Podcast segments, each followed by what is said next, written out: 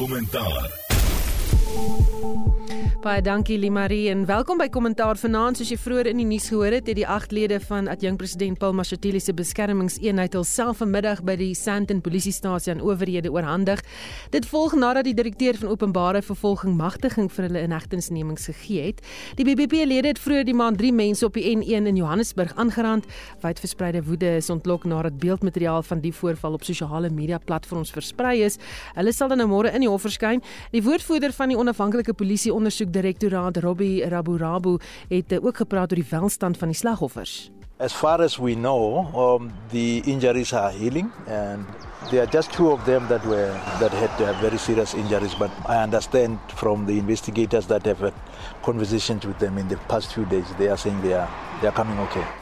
Intussen het die minister van elektrisiteit, Gosiento Ramagopa, vroeër die media aangelig oor die nuwe elektrisiteitsaksieplan. Hy het gesê dat Eskom nie in die finansiële posisie is om die netwerkuitbreidings te doen wat benodig word om die kragvraag van Suid-Afrika of daaraan te voldoen nie. There was one day where we shifted the, the intensity of load shedding about uh, three times uh, in a space of uh, about six hours. And I think that undermines one, the credibility of our efforts, but two, the ability of industries and households to be able to plan because they would affect at lower stages of load shedding on account of our statements that we are releasing. And when people reorganize their lives in that way then we elevate the intensity of load shedding. It's something that uh, requires attention So klomp dinge wat deur die loop van die dag plaasgevind het. My gaste vanaand is die dekaan van sosiale wetenskappe aan die Ignoto College professor Erwin Schuela. Goeienaand Erwin. Goeienaand almal. Professor Christie van der Westhuizen van die Sentrum vir Bevordering van Nierassigheid en Demokrasie aan die Nelson Mandela Universiteit. Goeienaand Christie. Naand. Lekker om te wees. Ons sê regskenner advokaat Anne Marie de Vos. Goeienaand Anne Marie. Goeienaand. En my klankregisseur is Daitrin Godfrey. My naam is Susan Paxton.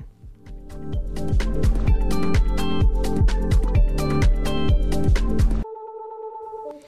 Ja, jy luister na kommentaar, jy kan saamgesels, jy kan 'n SMS stuur na 45889. Onthou SMS se kos R1.50 en as jy dit gemis het of nie eers keer gehoor het nie, my gaste vanaand professor Erwin Schuela, professor Christie van der Westhuizen en Anne Marie de Vos. Kom ons begin sommer met uh, die ANC Vroue Liga nuus. Die 63-jarige adjunkminister in die presidentskap belas met vroue, die jeug en mense met gestremthede. Sisi Tualashe is die president van die ANC Vroue Liga. Sy is pas verkies. Die top 5 posisies vanaand bekend gemaak op die laaste dag van die Vroueliga se konferensie in Nasrek in Johannesburg. Die uitredende sameroeper van die nasionale taakspan, Baleka Mbete, sê faksies hierdie party sedert 2007 lam gelê. Nou ja, die eh, konferensie het toe nou uiteindelik plaasgevind. Erwin, gaan die organisasie nou reggerig word as mens kyk na wat hier gebeur het?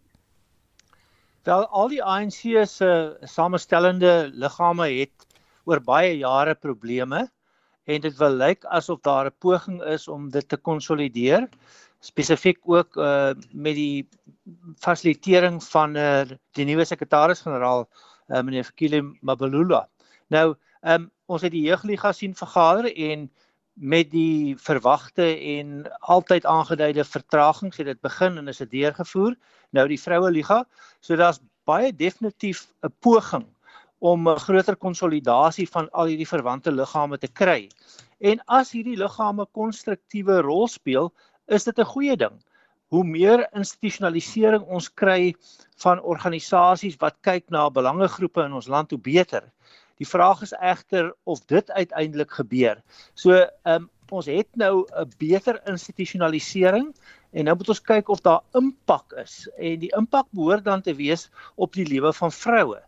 Uh as ons gaan kyk na wat byvoorbeeld my ehm um, uh, kollega by Stellenbosch Universiteit altyd sê, professor Amanda Gous, dan sê sy daar is nog 'n klomp paternalisme binne die ANC wat dan uiteindelik daartoe lei dat daar 'n vroue liga is, maar dat daardie vroue liga nie noodwendig die rol vervul wat 'n mens sou kon verwag van 'n van 'n van 'n vroue liga wat uiteindelik die belange van die vroue op die hart dra nie.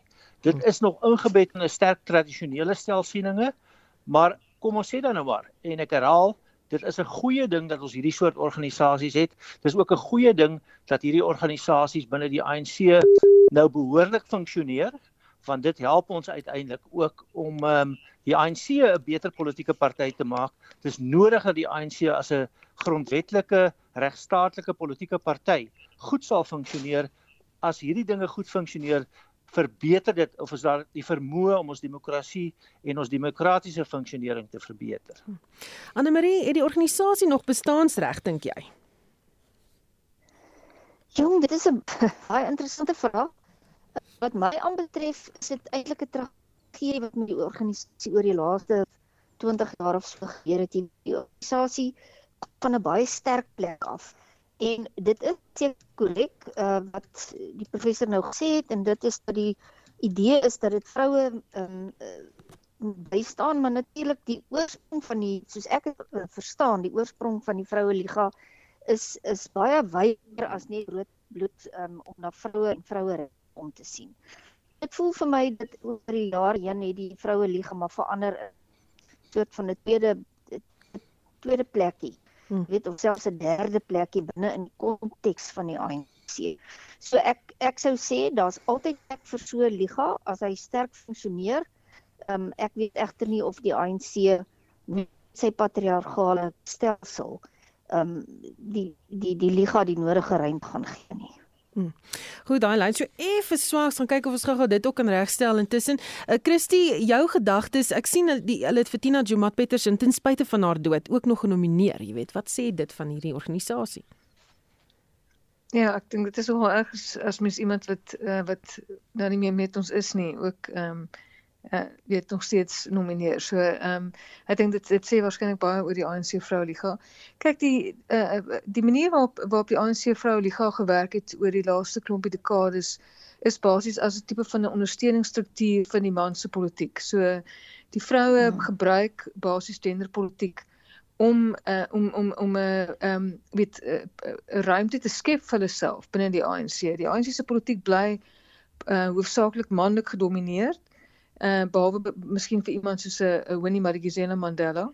Maar uh en en die die vroue dus om om 'n tipe van 'n nuus te skep vir hulle self gebruik hulle genderpolitiek om om wel aanspraak te kan maak op op poste en dan vir ondersteuning aan spesifieke uh faksies wat wat uh, gewoonlik gelei word deur mans kry hulle dan uh, poste. So dit is werklik waar ehm um, weet 'n uh, hoogs gekompromiseerde of of gekompromiteerde eerder ehm um, weet deel van die van die ANC. Dit is werklik nie dit dit wys mense eintlik die die ehm um, beperkings wat daar kan wees vir vroue om deel te neem aan nasionalistiese politiek. Want nasionalistiese politiek in die algemeen eh, laat nie eintlik plek toe vir vrouens nie. En dis nou maar hoe die die vroue liga eh, weet ge, gewerk het. Ek wil net byvoeg uh dis interessant om op te merk dat uh Sisisi Tulashi wat nou verkies is as die nuwe president van die ANC vroue liga is spesifiek 'n Ramaphosa um, persoon, so sy sy sy's deel van die Ramaphosa faksie.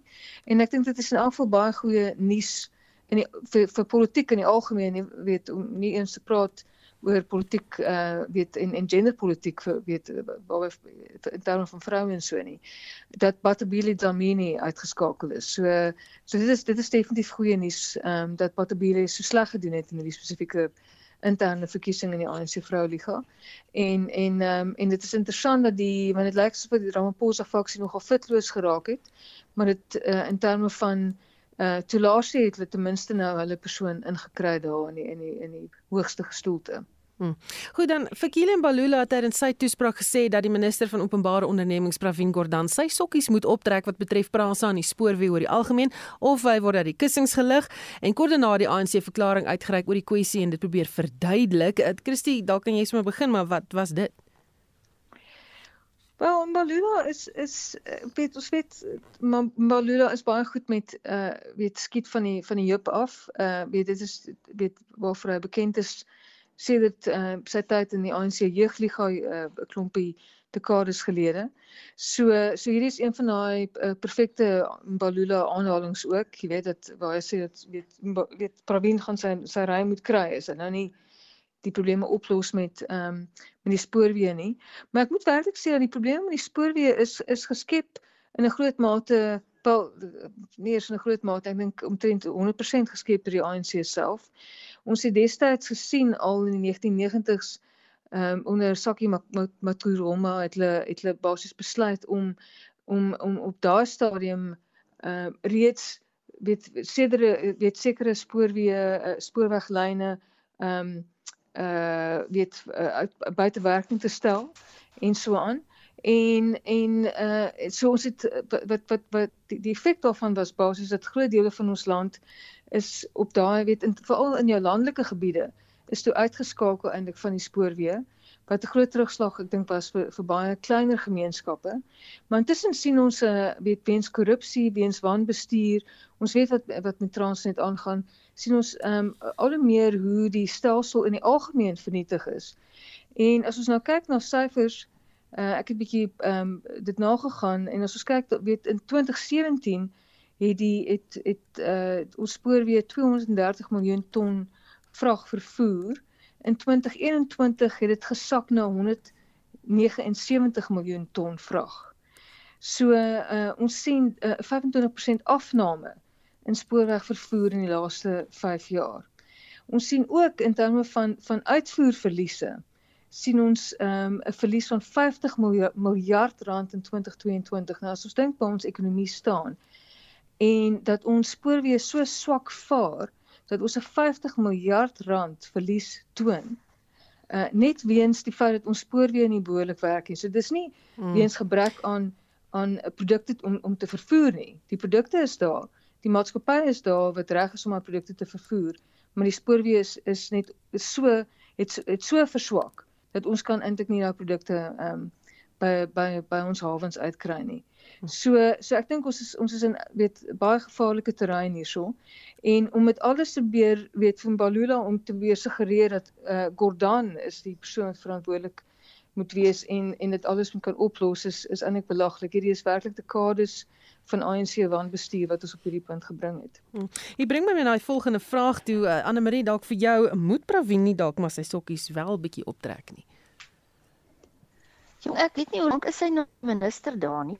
Uh, maar was beloon nie die voorminister. Jy weet dis daar 'n bietjie van 'n uh, ek dink wel ongeskik om jou vinger te wys na iemand as jy self verantwoordelik was vir 'n deel van die probleem.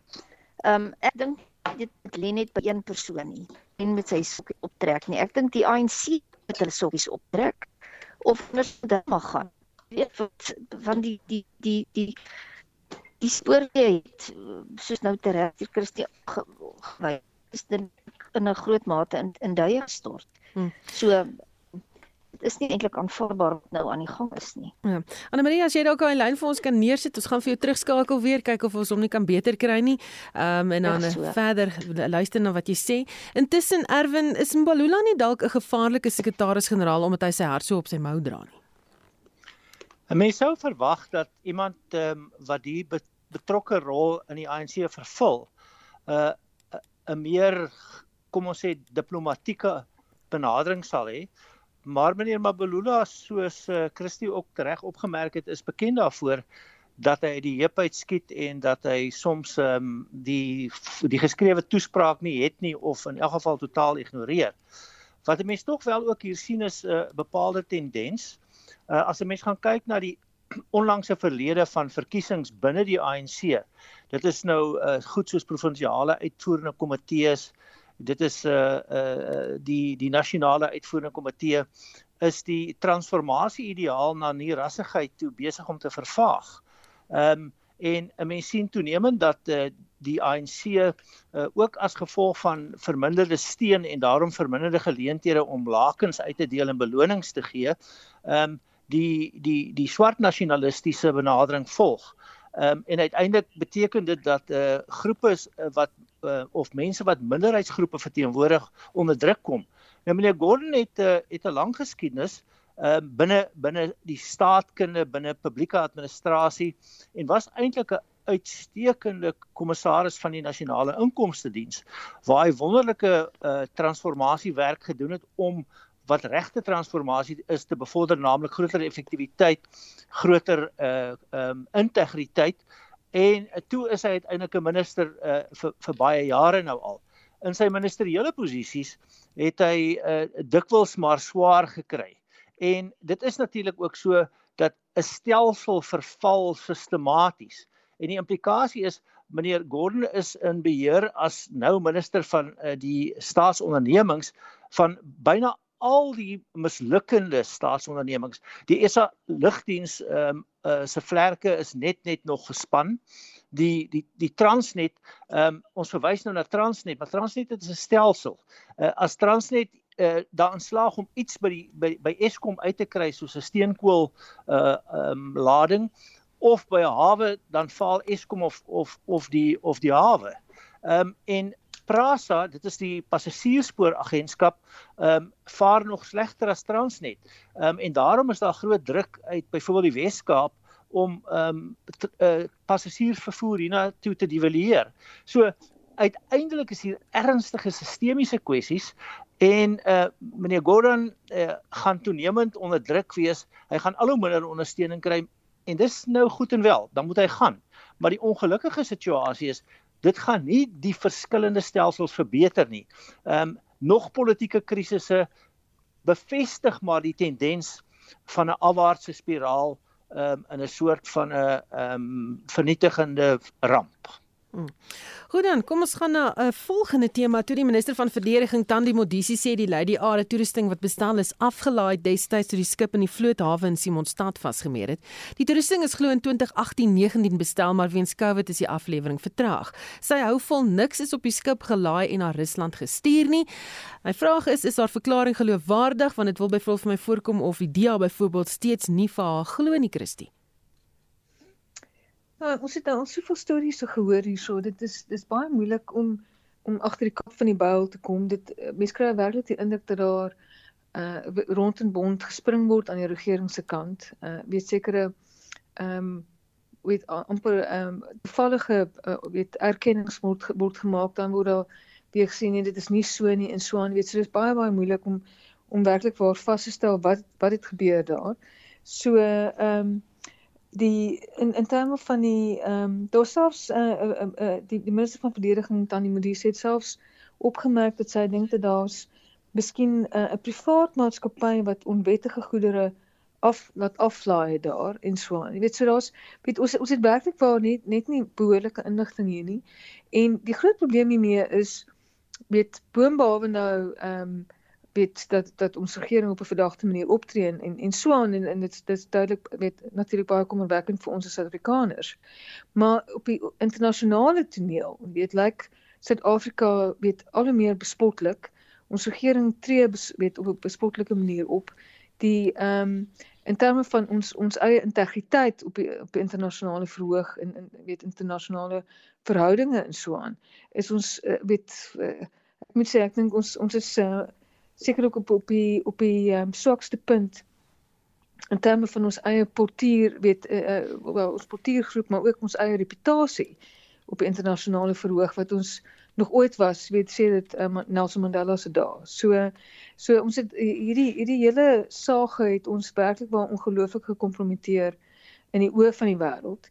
En mense mense sou eintlik op hierdie stadium wil hê dat die regering moet uh moet moet moet duidelik wees oor wat presies daar gebeur het. So hierdie uh, hierdie ehm um, verduideliking vir my is nog steeds nie oortuigend nie. Ek dink dat ehm um, dat ons gaan waarskynlik met 'n aantal jare wag. Weet ons weet on, ondersoekende joernaliste gaan waarskynlik met met rondsniffel hierso en so aan vir ons werk, werklik waar die die die antwoorde gaan kry. Hm. Annelie die minister het hierdie nou gesê maar hoekom 'n kommissie as die bevindinge na die ondersoek nie bekend gemaak gaan word nie? Ja, dit is 'n baie dis 'n baie goeie vraag. Ehm um, kyk die kommissie is nie eintlik die probleem nie. Hy is mos 'n man vir kommissies, maar die feit dat hulle nie die kommissie se uit se bevindinge gaan bekend maak nie is 'n probleem. Ek sou sê eerstens wat die regering kwyt geraak het nog tot dusver die Lady R is aard dat dit uh, nie een van die verduidelikings tot dusver waarskynlik is nie um, en natuurlik omdat dit so dikwels verander, uh, maak dit 'n mens uiters spesieus. Ek glo dit daar nie een ander organisasie gaan wees wat nie ehm, 'n um, aansoek bring om die klag kommissie beskikbaar te maak aan ten minste, jy weet, die publiek nie. Ehm um, so ek glo ons sal binnekort weet wat sê die, wat kommissie want ek kan nie dink op watter basis ehm um, kan dit nou geheim gehou word nie as die staat die die, die regeringsstandpunt juis is dat hulle nie enige wapens um, meer jy weet afgestuur het na Rusland toe nie. So as as dit die situasie is, dan hoekom mag die wêreld nie weet wat daar aangegaan het nie? Hm. Erwin, as dit net toerusting was, hoekom nie die bevindinge dan nou net bekend maak nie? Wel as jy niks het om weg te steek nie, dan hoef jy niks weg te steek nie. So hier is bepaald uh bepaalde aanduidings dat hierdie hele poging tot verdoeseling Ehm um, kyk daar's ook 'n patroon hier, nê? Uh, gewoonlik as so iets gebeur, dan is die patroon uit die uit die uh, owerhede, uit die regering se kommunikasie geleedere dat hulle dit eers begin met so 'n soort van 'n gefeinste verontwaardiging. Dis die eerste stap. Die tweede stap daarna is dan dan word dit uh, gedeflekteer. Ehm um, dis iemand anders se probleem. En die derde benadering is, is ons is totaal nie in staat om dit te hanteer op 'n direkte wyse nie. So dit dis nou al 'n patroon. Hierdie betrokke verslag sal uiteindelik openbaar gemaak word. Daar's soveel verskillende regsmiddels as ook ander uh, aanspreeklikheid en verantwoordelikheidsmiddels uh ondersoekende journalistiek verseker. Um, maar ook natuurlik nou vrae binne die parlement en uiteindelik uh, is die is die waarskynlikheid dat 'n uh, uh, politieke party in in die meeste gevalle is dit uh, die DA sal gewoon gaan en die howe versoek om in terme van die wet uh, op die uh, bekendmaking of die bevordering van toegang tot inligting 'n uh, mandamus bevel te gee. Dit wil sê bevel te gee dat die dat die uh, betrokke verslag ehm um, uiteindelik uh, rigbaar gemaak word. Ons het mos nou gesien ook met die Putin sage dat die dat die demokratiese alliansie se se hofsaak in die verband wat buite die hof geskik is, is het daartoe gelei dat die verslag bekend gemaak sal word. Ehm um, hierdie geheime organisasies is eintlik maar daarop gerig om te verdoesel, te deflekteer en uiteindelik niks te doen nie. Ehm um, en dit sal weer eens waarskynlik nie werk Hmm. Ek sien Kobus Maree van die DA, as die DA skare minister van verdediging sê ek luister nou lekker hoe hulle praat oor my gunsteling onderwerp, dis die Lady R. Hy het natuurlik hy vra in die parlement gevra wat die minister moes antwoord en hy sê ek het reeds 'n paie aansoek vir die vragmanifest geregistreer. So definitief iets wat hulle nie daar gaan los nie. Ja, dit is uh, dis dit was net my punt. Jy weet op die bevordering van toegang tot inligting is mm -hmm. Ja, sê, dis sê, daar sien lekker. Ons het nou direkte terugvoer oor wat aangaan. Goed, 'n ander interessante storie vir my vandag was in die Sunday Times Times is klein bietjie skokkend. Die konstruksiemafia in KwaZulu-Natal wat werksaam is onder die naam en dis 'n baie lang naam, Amandlango Kubona Sakeforum. Hy's 5 miljoen rand van die eThekwini Metro omdat hy nie tydens die 2021 opstande sy beplande beskadiging van infrastruktuur uitgevoer het nie, so beskryf die Sunday Times dit. Um Ek weet glo het hulle die infrastruktuur beskerm en nou eis hulle die geld. Wat gaan nie aan, Christie? Paul, dit lyk my die konstruksie mafia het, het het nou so arrogant geraak dat hulle kan basies weet 'n paar jaar na weet 'n hele voorval weet wel die die, die, die tragiese gebeure en die en die skokkende gebeure van Julie 2021 gebeur het kan na na vore kom en allerlei aansprake maak en so aan. So dit wys vir mens uh in in watter mate georganiseerde misdaad werklik waar oorgeneem het in Suid-Afrika. Uh weet daai daai daai daai en en en, en ek dink ook die die platantheid daarvan. Jy weet die feit dat hulle na vore tree in die in die openbare sfeer en hierdie soort ehm um, uh eise stel. Jy weet uh, dit is amper asof hulle basies dan uh weet in in effek probeer om om die regering ehm um, gijslaar te hou. Weet om basies eise te stel aan die regering in terme van en en aan en, en aan die privaat sektor.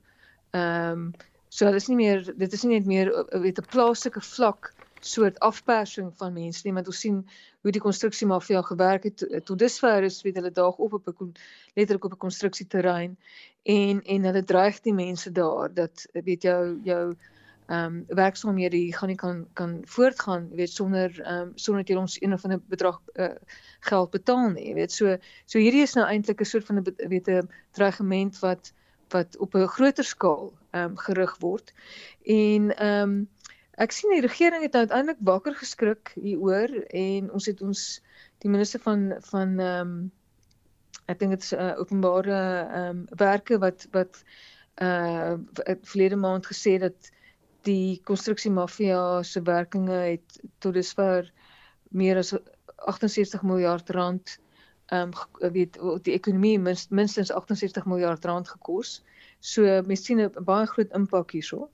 Ehm um, So ek dink dat daar's daar's baie ernstige ingrypings nodig. Kelly, uh, die minister van polisie het gesê hulle gaan hulle gaan toeslaan op op mense, maar nou wil ons aksie sien. Ons ons ons het werklik ons het baie baie ernstige probleem hier. Dit is nie dit is nie iets niets nie. Die media berig al vir etlike jare oor die konstruksie mafia. En en daar moet behoorlike polisieeringe gedoen word, daar moet behoorlike ondersoeke gedoen word.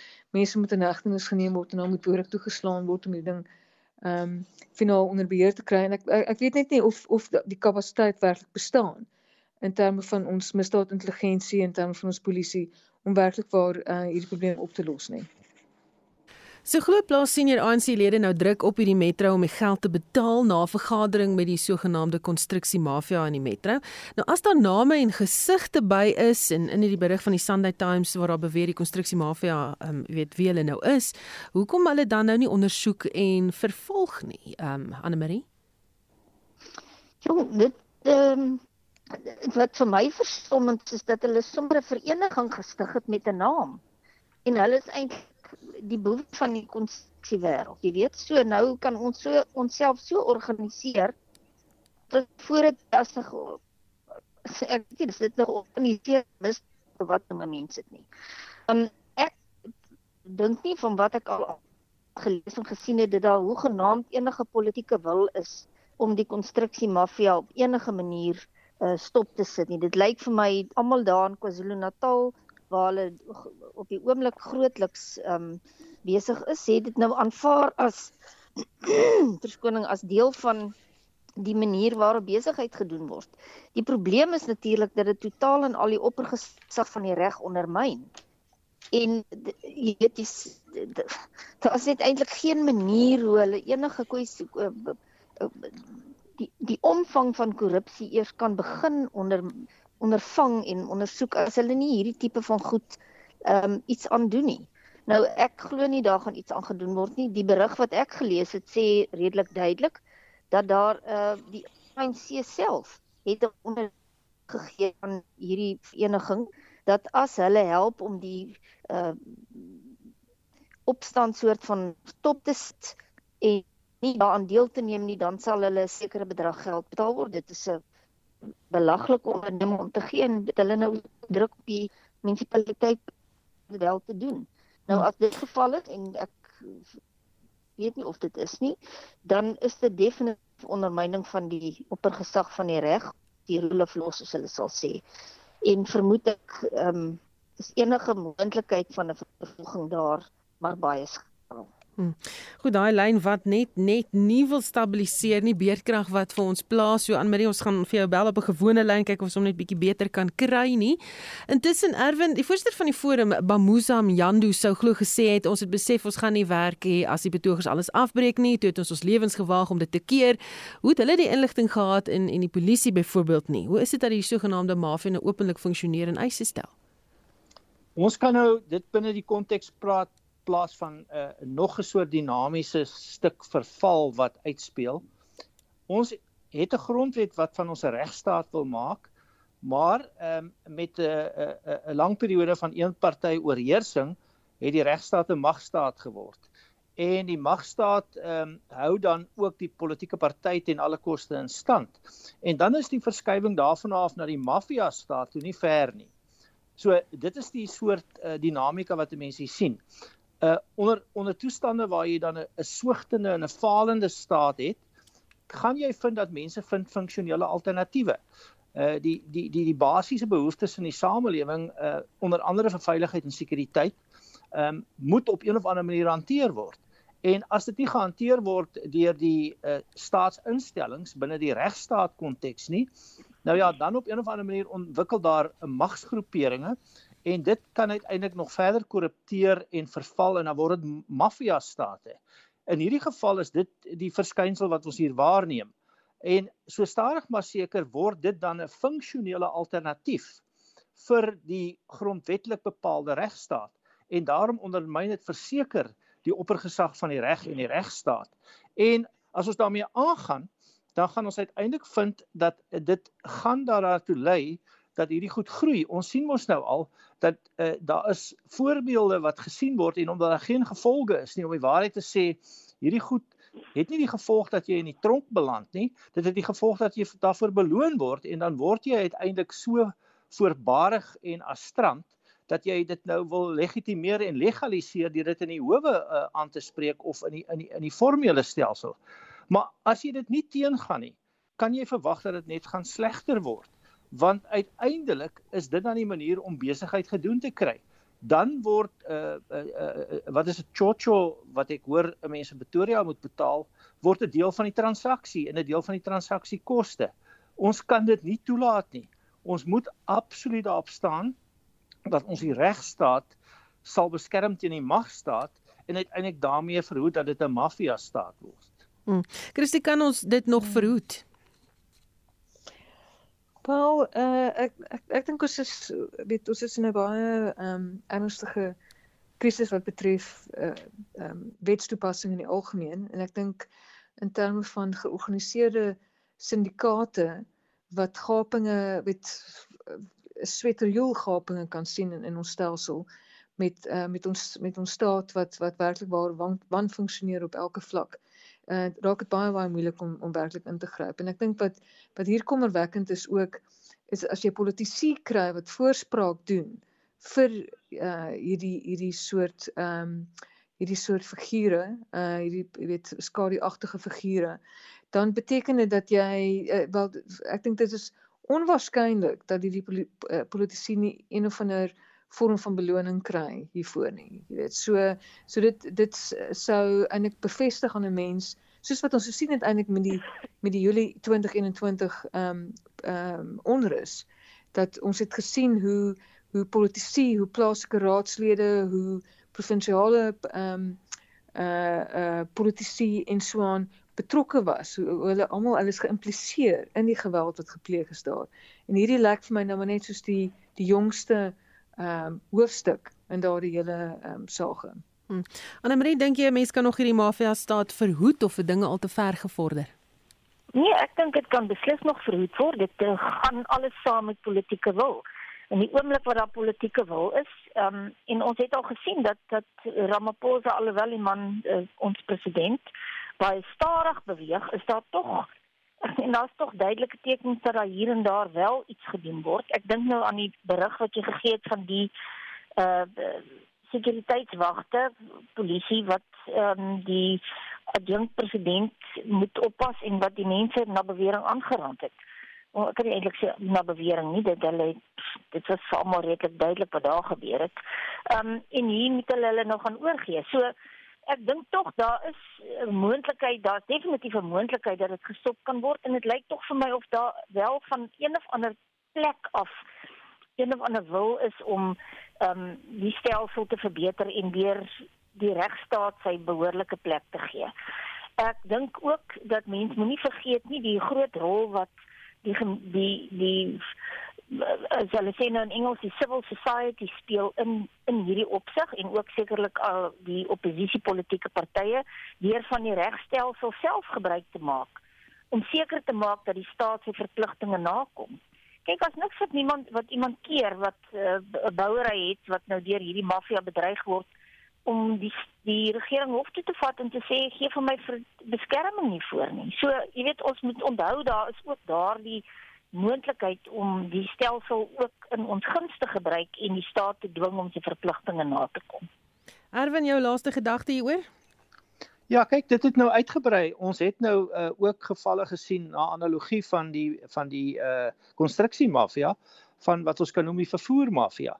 En interessant, daar is 'n geval um, met uh, uh interstedelike busvervoerdienste waar een van die uh operateurs in uh, uh, op die gebied wel hofbevele gekry het um en uiteindelik hofbevele gekry het uh, dat die Oos-Kaapse regering moet optree teen mense wat uh, busbestuurders gewoon um uh fusilleer, doodskiet. Uh en dit dit het uiteindelik die hofbevel uh, uh het vereis dat daar optrede moet wees. Nou wat toe gebeur het is is dat die betrokke administrasie in die Oos-Kaap het aanvanklik niks gedoen nie. Ehm um, en die betrokke vervoeroperateur moes teruggaan na die hof toe en gelukkig ons kan sê daar is aanduidings van botsels na die brand. Uh daar is nou aanduidings dat daar nou opgetree sal word. Maar ehm um, dit is jammer dat dit nie as as 'n 'n soort rotine gebeur nie. Ehm um, en en ons moet ons aktivistiese rolle uitspeel. Dit sou net baie beter gewees het as ons 'n goed funksionerende staat gehad het wat nie al hierdie transaksiekoste hoef op te loop om uiteindelik iets gedoen te kry wat in elk geval gedoen moet word nie. So ehm um, ja, uh, ons ons ons het hoop, maar ons sal baie meer self moet doen en uiteindelik moet ons dit op 'n manier dat dit die reg doen op 'n manier dat dit die regstaat ehm um, eerder as die magstaat en die maffia staat bevorder. Ons moet net nie self betrokke raak by vigilante tipe optredes buite die reg nie. Hm. Goeie waarskuwing daar. Dan alle koerante skryf ook nog oor die groot gasontploffing in Breestraat in Johannesburg se middestad die afgelope week. Uh Sunday Times sê hommeltuie is ontplooi in die pype om te sien wat die ontploffing kon veroorsaak het en wat daar aangaan. Christie, uh, jou gedagtes oor die ontploffing en hierdie aangrypende video's wat wys wat daar gebeur het? Ja, ek moet sê dit was ongelooflik skokkend in hierdie ikoniese strate in Johannesburg. Ek is 'n ek is 'n ou 'n ou liefhebber van Johannesburg. Ek dink dit is een van ehm um, dit is 'n fantastiese stad en dit is regtig verskriklik om te sien dat weet breë en ek sien Rusik straat is ook geaffekteer dat hierdie werklik waar ikoniese strate in in in ou Johannesburg weet op op op hierdie manier geaffekteer is en wat vir my ook ehm um, baie kommerwekkend is is hoe Egoli Gas van die begin af uh, basies ontken het dat dit dat hulle uh, uh enigstens aanspreeklik is en nou begin dit daarop te dui dat hulle is wel dat dit waarskynlik 'n gasontploffing was. Weet daai daai soort skade en in terme van hoe mense die ontploffing beskryf en so aan dis nie dit is daar's min goeders wat dit kan veroorsaak. Weet so jy het waarskynlik een van 'n brandbare ehm um, uh stof van 'n aard wat wat betrokke is en en gas lyk soos 'n waarskynlike oorsaak. So uh, wat vir my bekommerwekkend is is weer eens hoe daar nie weet verantwoordelikheid aanvaar word nie. Daar's daar's in die begin, in die begin was daar 'n rondgeskarrel en 'n ontkenning en so aan. En toe sien ek die die Gautengse premier Lesotho probeer toe nou ook bietjie politiek maak uit die saak uit. Ehm um, en is interessant om te sien ook dan die spanninge met die ehm um, met die nuwe uh, eh, ANC koalisie in in Johannesburg. Weet tussen die provinsiale regering en die Johannesburgse metro is daar ook dan nog politiek wat uitspeel. Maar intussen het weet meer as 40 mense is beseer, 'n persoon is dood. Ehm um, dit is dit is werklik vir skrikwekkend en en ek moet ook sê ek is baie weet bekommerd oor of weet gaan gaan Breestraat ooit reggemaak word. Dis die volgende vraag want is is die, is die stad se sake uh, genoegsaam agter mekaar dat hulle daai daai daai skade kan kan herstel en en ek is nie oortuig nie want as ons kyk na die die ongelooflike agteruitgang in Johannesburg ehm um, wat regtig waar absoluut uh uh totaal uh buitensporig is en totaal ehm um, onverant weet onverantwoordelik is en onregverdigbaar is. Uh wonder mense gaan het het die stad die vermoë, het die het Lesofie die premier het het het het, het sy sy die provinsiale administrasie die vermoë om hierdie skade ehm um, te herstel en ek ek is nie oortuig nie. Mm. En Marie, jy weet daar daar's 'n klomp wat vra maar waar is die burgemeester? Wat jou gevoel oor die storie? Jong, ek kry arme burgemeester jammer, jy weet hy's ook maar net 'n pion in die hele skaakspel. Ek dink die burgemeester is definitief nie opgewasse vir hierdie taak nie. Ehm um, jy weet as jy so kyk na sy geskiedenis en agtergrond en so aan. Maar ek ek is nie heeltemal so desperaatlik ehm um, negatief nie. Ek dink tog wel daar is die nodige kundigheid ehm um, en en uh, dit is noodsaaklik dat die uh, strate herstel word. Dit is noodsaaklik nie alleen vir die gewone sosiale samelewing nie, dit is ook noodsaaklik vir die ANC wat probeer om 'n verkiesing te wen volgende jaar. So ek glo dit gaan dit hulle sal wel, jy weet, ehm um, die moeite doen en die regte dinge doen en die, die situasie daar bereder. Dit kan tog nie so bly nie. Ehm um, nee, ek dink dit gaan regkom. Ek het geen praktiese kennis van oor hoekom en waar so 'n ontploffing sou plaasvind nie. Maar natuurlik, die wetenskaplikes en die deskundiges gaan vir ons uiteindelik kan sê wie is die skuldige of skuldiges. en hopelik sal hulle dan aan die pen ry. Hm. Arvind, ons die wat uh, meen dit het gebeur want dienslewering en instandhouding word nie behoorlik uitgevoer in die metro nie. Dis nou weens die koalisieprobleme. Kan hierdie verband getrek word? Ja, voor ons by die koalisie verhaal uitkom, ehm um, en daar is verbande. Ehm um, eh, eh, laat ons net eers sê dat uh daar's 'n paar elemente wat 'n mens as nodige maar nie voldoende voorwaardes uh moet in hê of beskikbaar hê om die goed te laat werk. Die die die bedoeling uh die politieke wil uh, uh kom ons sê dan nou maar vermoë moet daar wees. Uh dit skynbaar is soms afwesig of uh verskerp. En dan tweedens moet jy die vermoë hê bevoegde mense. Dit wat interessant was in hierdie geval, ehm um, was dat toe die toe die ontploffing plaasvind uh, het die het die Johannesburgse munisipaliteit 'n oproep uitgesit dat hulle kundigheid soek byna op 'n vrywilliger basis om hulle te kom help met hierdie hele situasie. Nou wie daag toe op meneer Lesofie? Uh nou ek hy's ook nou nie eintlik 'n kundige nie.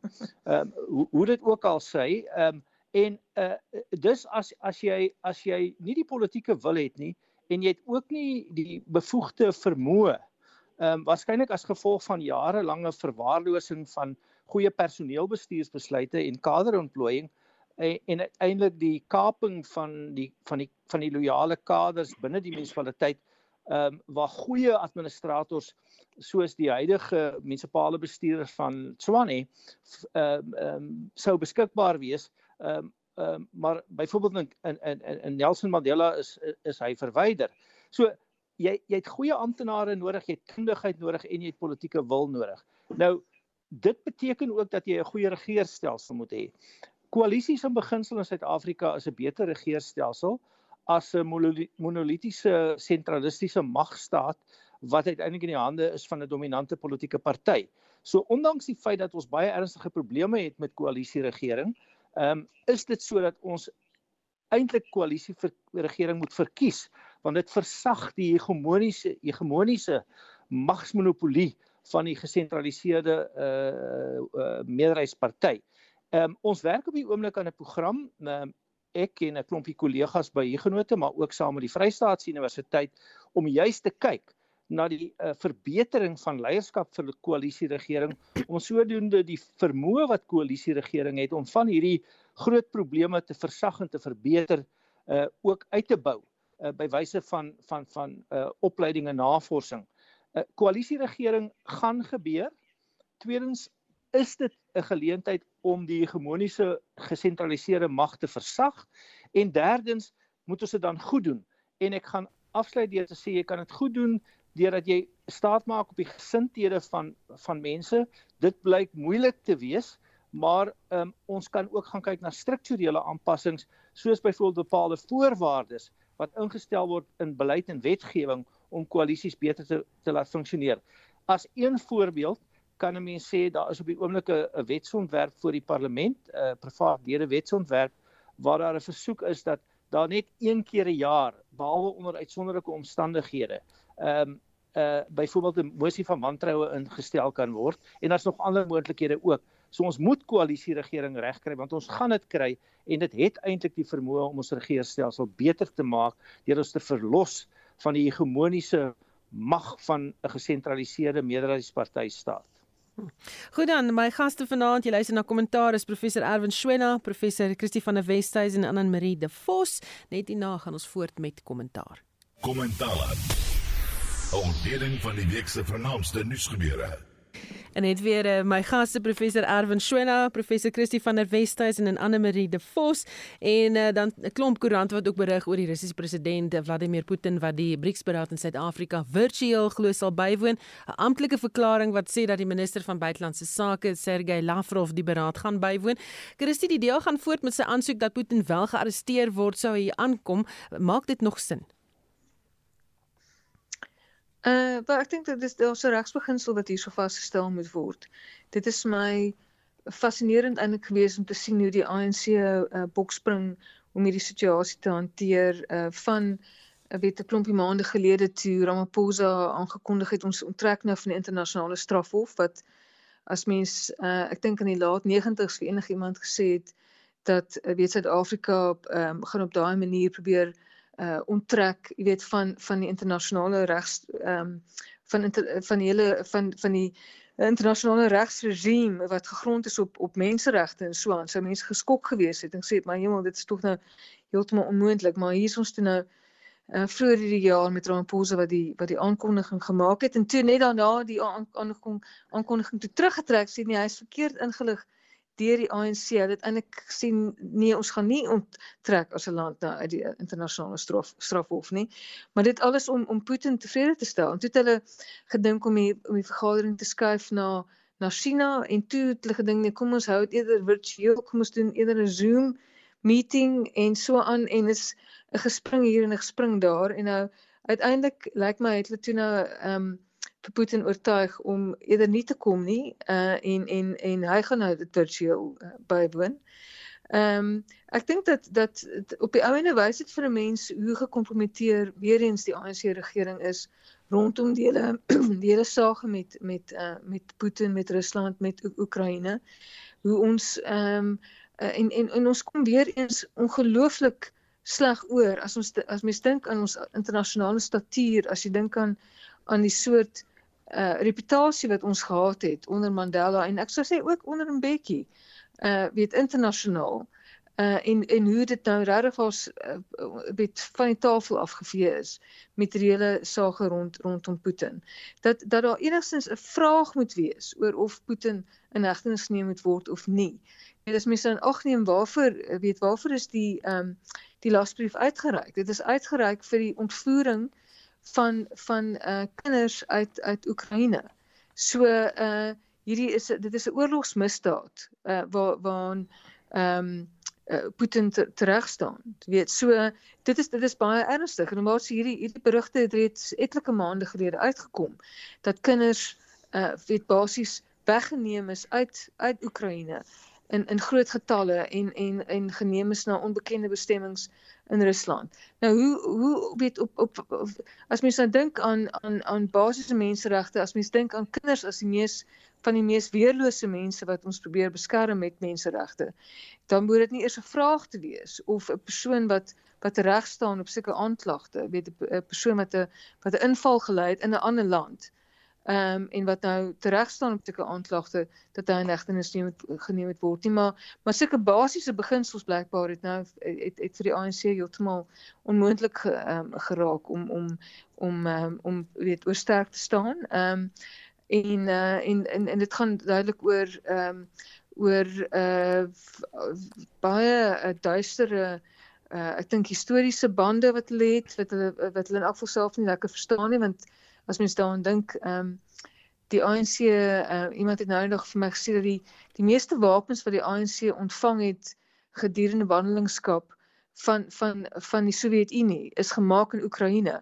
So so hierdie vreemde ehm um, weet getrouheid en en loyaliteit teenoor teenoor uh, Rusland uh maak ook nie sin vanuit daai oogpunt die Oekraïne was deel van die Sowjetunie.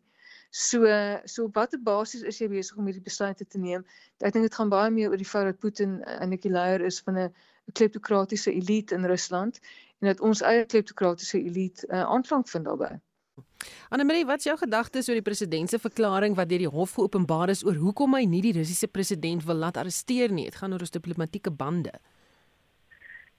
Ja, nee, ek Wel en ek sê ek het verstaan dat hy gesê dat ehm um, Putin het gesê enige enige uh, enige land wat hom wil wat hom arresteer sal sal Rusland beskou as 'n verklaring 'n oorlogsverklaring en dan sal daar 'n oorlog wees en dit is hoekom hulle hom nie wou arresteer nie. Ehm um, en versigtig was daarmee om te sê hulle gaan hom arresteer en hy het ook gesê dat die rede hoekom hulle hom genooi het Suid-Afrika toe is omdat dit gegaan het oor die diplomatieke bande en dis meer.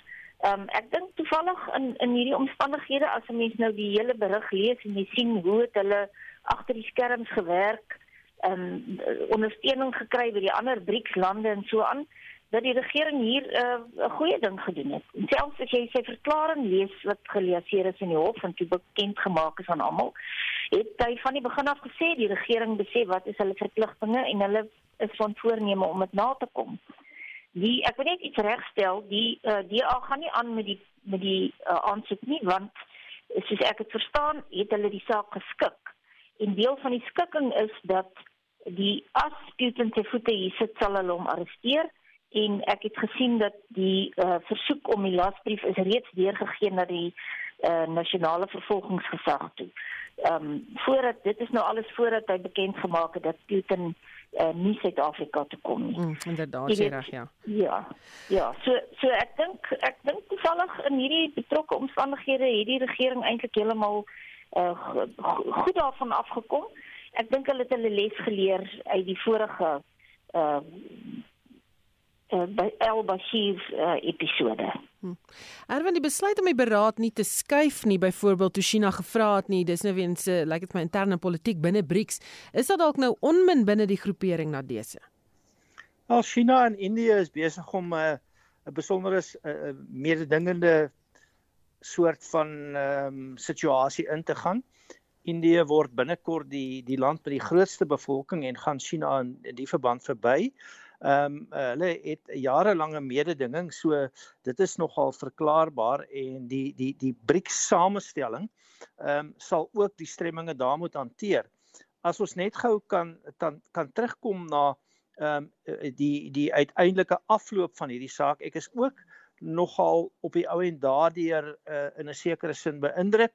Ehm um, dit is so dat daar was selfs 'n lasbrief uitgereik uh op pad na die uiteindelike skikking van die hofsaak wat op Vrydag plaasgevind het. Ehm um, en dit wil lyk asof daar tog hier 'n kentering is. Maar wat ook interessant is is ons moet die vraag vra hoekom is die ANC so so verknog aan die aan die Russiese Federasie wat nie meer kommunisties is nie maar 'n eintlik 'n Russiese nasionalisme. Ehm um, uh, en dan tweedens ehm um, wat nog nooit soos te reg alreeds gesê is ehm um, die enigste deel was van die Unie van Sosialistiese Sowjetrepublieke nie. En tereg ook baie van ons uitgewekenes ehm um, en mense in ballingskap het in Kiev gebly, nie noodwendig in Moskou nie. So ehm um, uh, dit is nogal 'n interessante situasie. Nou sien ek in in, in vandag se rapport uh sê Tim Du Plessis uh dat daar uh, nou bevestiging is vir 'n vermoede wat ek reeds lankal het en dit is dat die ANC se salarisrekening op 'n wonderbaarlike manier betaal is um, en dat hulle uit 'n finansiële noodsituasie uh, gered is. Miskien is dit nou 'n geleentheid om in terme van weer eens die die die wet op uh, die die um, bekendmaking of openbaarmaking van inligting 'n aansoek te bring om te hoor uh, kan ons die rekord sien van die ANC se finansiële kwessies wat nou so dramaties en uh, mirakelagtig opgelos is. En dan verklaar dit dalk vir ons die rede hoekom hierdie uh, affiniteit met Rusland so ernstig is en en, en voortbestaan. Want Rusland het 'n kleiner ekonomie as Italië en ons het geen AGOA ooreenkoms met Rusland nie. En Rusland is 'n is 'n reeks verbreker van menseregte as ook 'n 'n invaller van van van soewereine lande Ehm um, en ons is 'n land wat onsself op 'n stadium soos Christie tereg gesê het beroem daarop dat ons beginsel vaskyk na menseregte as die grondslag vir ons buitelandse en ander beleide, maar dit het alles in die sand weggevloei. So ek dink ons moet 'n bietjie ondersoek begine instel na soos ek sê hierdie mirakelagtige uh onmiddellike verdwyning van die ANC se finansiële probleme en dan net Rusland dalk van hulle kleinerige pot um, gebruik om dit uh, nou op een of ander manier daarom te beredder. Hm. Gepraat van Moskou, News24 berig ook dat oud-president Jacob Zuma sy mediese besoek aan Moskou verleng het terwyl owerhede hier kibbel oor of sy mediese parol opgeskort moet word al dan nie. Die Jacob Zuma of Jacob Zuma stigting eerder wat gereedelik inligting deel gewoonlik kan nou nie sê wat sy toestand is nie en wanneer hy gaan terugkom nie. Christie, wat maak jy van hierdie storie? Ek net gou-gou sê oor ehm um, ek deel ongelukkig nie my my paneellede se se optimisme oor die hele manier waarop hierdie ding uitgedraai het nou met Putin en die en die lasbrief en al daai nie, maar ek dink wat in 'n groot uh, groot rol gespeel het hierso is soos soos Erwin na verwys het die die uh, AGOA uh, wet, die ehm um, Afrika groei en geleentheid wet uh, waar waar uh, daarmee waarvan Suid-Afrika iets soos 2.7 miljard rand gemaak het vir die laaste jaar wat ek kon opspoor 2021. So ehm um, hierdie is dit is 'n weet ons is ons is basies regstreeks gedreig deur die Amerikaners rondom hierdie ehm um, rondom uh, as Putin sou kom en ons neem hom nie in hegtenis neem uh, weet dat ons basies uit uit AGOA uitgeskop sou word. So ek dink dit is waarskynlik die grootste rede vir hoekom die ANC toe nou op die ou einde wel traag met met 'n met 'n verskriklike gesleep van voete ehm um, uh die regte ding gedoen het, jy weet. So ehm um, Zuma Zuma in Moskou wat hierdie hierdie sluit aan by oor waar ons nou begin praat het en dit is dat daar is hierdie misterieuse aantrekkingskrag vir ANC mense ehm um, na na Moskou op op die oomblik en ehm um, uh die voormalige adjunk president Mabuza gaan ook soontoe vir sy mediese behandeling. So dit is 'n dit is 'n baie vreemde vreemde situasie en ek dink dit dit was dit dit is onwaarskynlik dat dit nie te doen het met geld nie. En uh jy weet dit, dit, dit daar's waarskynlik gelde wat wat oorgeplaas word uh aan aan aan die ANC as 'n organisasie aan ANC mense in 'n in 'n persoonlike hoedanigheid en so aan. Ehm um, die vraag natuurlik vir ons is wanneer gaan ons uh, Zuma terugsien in ons land want uh die konstitusionele hof het het mos nou die die saak uh, uitgegooi en en en Jacob Zuma moet terug gaan tronk toe. So die mediese parol uh, wat aan hom toegestaan is was op die ou en nie gegrond nie en ehm um, en dit dit is wat nou volgende ja. moet gebeur. So so wat ons nou met met uh, ingehou asem opwag is gaan hy terugkom en en die, as hy terugkom gaan uh, korrektiewe dienste die regte ding doen want hulle is nou basies ehm um, die die die saak soos ek dit verstaan gaan nou terug na weet dan die appelhof se bevinding waar die appelhof het het bevind dat eh uh, dat die gronde vir sy mediese parol ehm um, nie geldig was nie. So ja. um, so hy moet terug tronk toe. Annelie, wat is jou gevoel gaan hy terug tronk toe? Man, ek dink nie hy gaan terugkom Suid-Afrika toe as hulle besluit hy gaan terug tronk toe nie. Maar in elk geval, u weet, uh as as hy reg sy loop neem, dan behoort hy terug te gaan tronk toe. Ehm um, maar mense maar moet sien, ek weet die man is uh, jy weet hy het 'n ongelooflike regspan wat uh nog die Stalingrad ehm um, uh, verweer wat hulle opper is is verstommend dat hulle so ver kom daarmee. Dalk dalk stoor hulle weer iets uit 'n hoed uit. Hoe sal ons weet? Hm. Maar ehm um, ja, hy behoort natuurlik tronk toe te gaan. Erwin, dink jy hy gaan tronk toe gaan? Ons het mos nou gepraat oor lasbriewe vir arrestasie. Ehm um, uh dit is nou in die hande van 'n van 'n amptenaar gelaat. Ehm um, en die die die, die direkteur-generaal van korrektiewe dienste moet nou daaroor besluit. My vermoede is uh, wat hier gaan gebeur is is 'n soort kunsgreep. Ehm um, en ek dink die howe het dit uh, so half op 'n op 'n manier soos uh, die ou wysheid van Salomo gehanteer. Deur te sê laat ons dit uh, terugverwys want die howe meng nie noodwendig graag in in terme van die leerstuk van die skeiding van staatsgesag. Ehm um, met die uitvoerende gesag en die administratiewe gesag se se se diskresies nie. Ehm um, So hulle het gesê kom ons verwys dit terug na die na die na die uh, uh, direkteur van korrektiewe dienste toe en dan is daar 'n diskresie om te sê hoe hy dit gaan hanteer. En wat ek vermoed gaan gebeur is is dat die uh, tyd verloop uh, sedert sy vrylating, sy onregmatige vrylating nou bevestig deur die deur die grond grondwetlike hof, ehm um, dat die tydsverloop bereken sal word as deel van sy van sy strafuitdiening en dat hy dan eintlik sal kwalifiseer dat uh, dat hy op 'n manier as gevolg van die uitdien van hierdie paroolvoorwaardes nie in hegtenis geneem sal word nie. Hmm. Ehm um, maar ons moet maar kyk hoe dit dan nou uiteindelik uitspeel. Ons sê baie dankie. Dit was kommentaar vanaand. My gaste was die dekaan van sosiale wetenskap aan die Huguenot College professor Erwin Schwella, professor Chrissy van der Westhuizen van die Sentrum vir die Bevordering van Nierassigheid en Demokrasie aan die Nelson Mandela Universiteit en dan 'n regskenner advokaat Anne Marie de Vos. My klankregisseur is Daitrin Godfrey. Ek is Susan Paxton. Dankie dat jy saam geluister het en saamgesels het vanaand.